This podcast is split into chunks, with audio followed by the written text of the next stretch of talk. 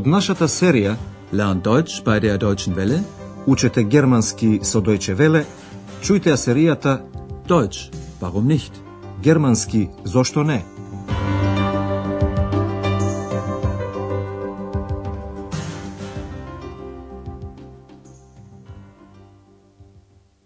Liebe Hörerinnen und Hörer. Добар ден, почитувани слушателки и слушатели. Денеска на ред е 20-тата лекција со наслов Јас имам резервирано една соба. Ich habe ein Zimmer reserviert. Во последната лекција слушнавте еден фиктивен разговор што Андреас го водеше со Карло Велики. Wie spricht man mit einem Kaiser? Sie kommen gerade von einer Reise? Ja, ich war in Rom. Денеска ќе го чуеме Андреас на неговото работно место во Хотел Европа. Тој разговара со господја Бергер за изминатиот викенд. Ваша задача е да откриете што најавува господја Бергер.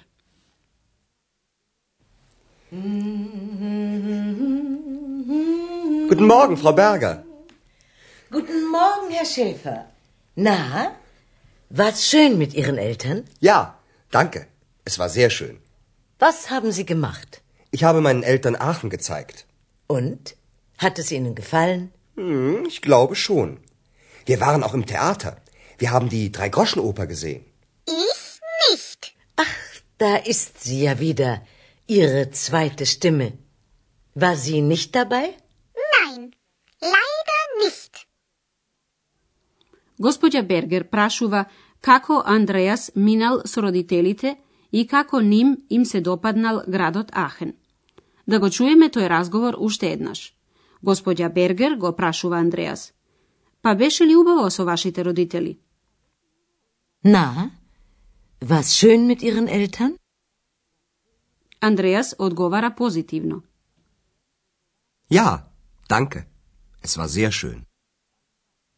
Господја Бергер прашува натаму. Што правевте? Was haben Sie gemacht? Андреас кажува дека на родителите им го покажал Ахен. На моите родители им го имам покажано Ахен. Ich habe meinen Eltern Aachen gezeigt. Господја Бергер сака да знае дали и на родителите на Андреас им се допаднало.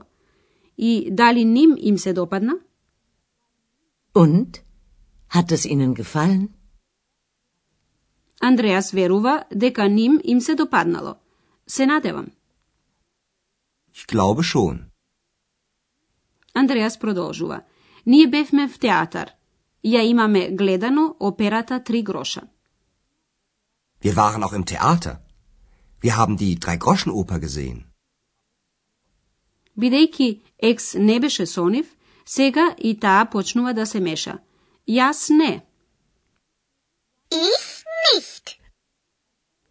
Господја Бергер се враќа на неоткриената тајна со екс. Ах, пак е тука, вашиот втор глас. Не беше со вас? Ach, da ist sie ja wieder, Ihre zweite Stimme. War sie nicht dabei? Екс нејзе и одговара директно. Не, за жал не. Nein, leider nicht. На ова место разговорот се прекинува, бидејќи во хотелот влегува еден гостин. Господја Бергер се враќа во нејзината канцеларија, а Андреас му се обраќа на гостинот. Ваша задача е да откриете што му се случило на човекот. Guten Tag. Guten Tag. Ich habe ein Zimmer reserviert. Wie ist Ihr Name, bitte? Müller. Dr. Martin Müller. Ah ja, ich habe mit Ihrer Sekretärin telefoniert. Einen Moment, bitte. Hm, Hier. Mhm.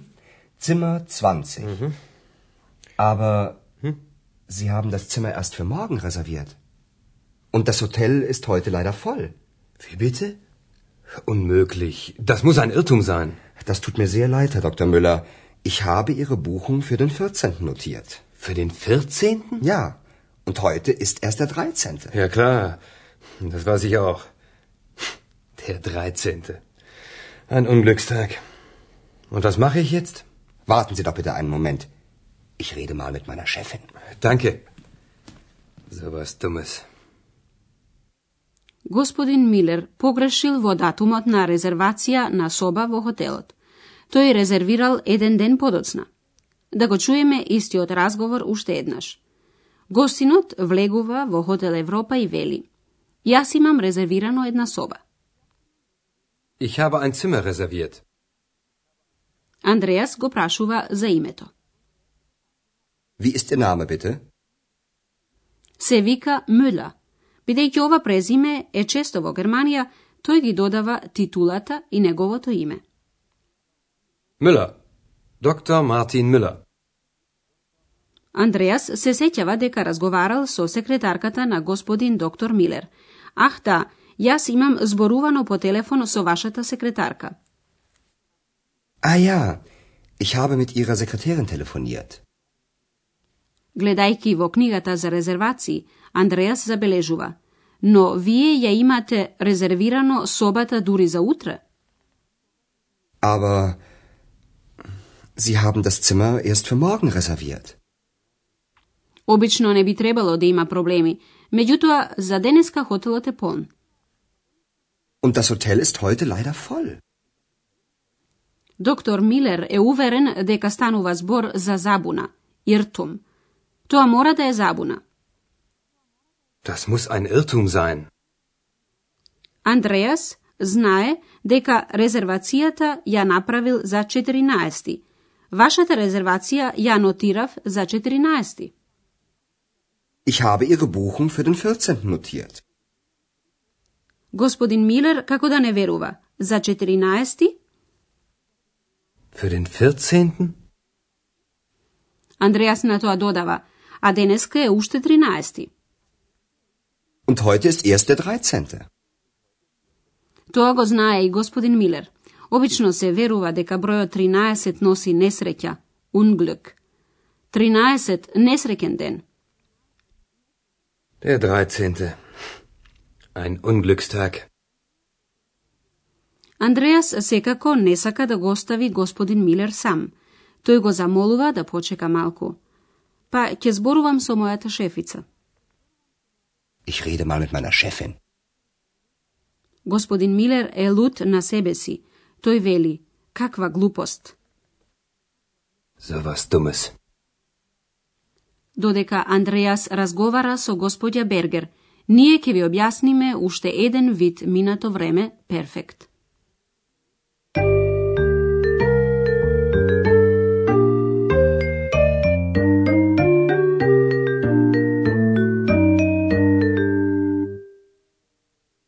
Machen. Gemacht. Was haben Sie gemacht? Денеска чувте трета форма на партицип 2 од глаголот со завршок ирен. Партицип 2 на глаголот со завршок ирен се формира со додаток т, но без префикс г. Чујте пример со глаголот резервирен. Reservieren. Reserviert. Ich habe ein Zimmer reserviert. А сега чујте пример со глаголот телефонирен. Telefonieren. Telefoniert. Ich habe mit Ihrer Sekretärin telefoniert.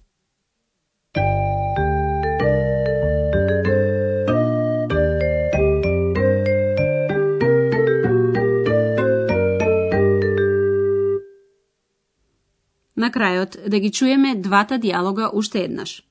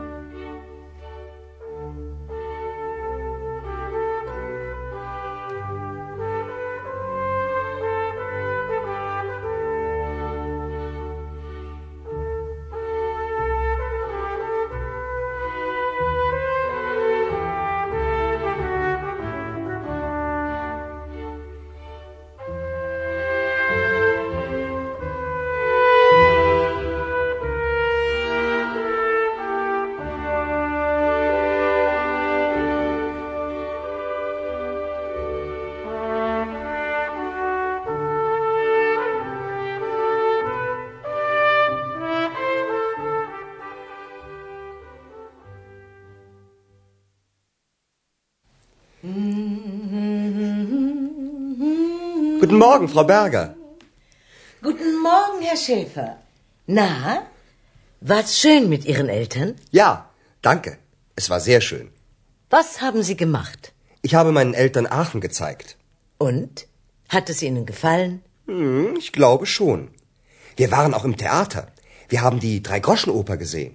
Ich nicht. Ach, da ist sie ja wieder. Ihre zweite Stimme.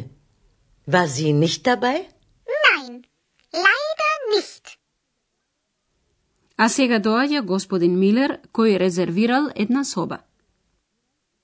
Guten Tag. Guten Tag. Ich habe ein Zimmer reserviert.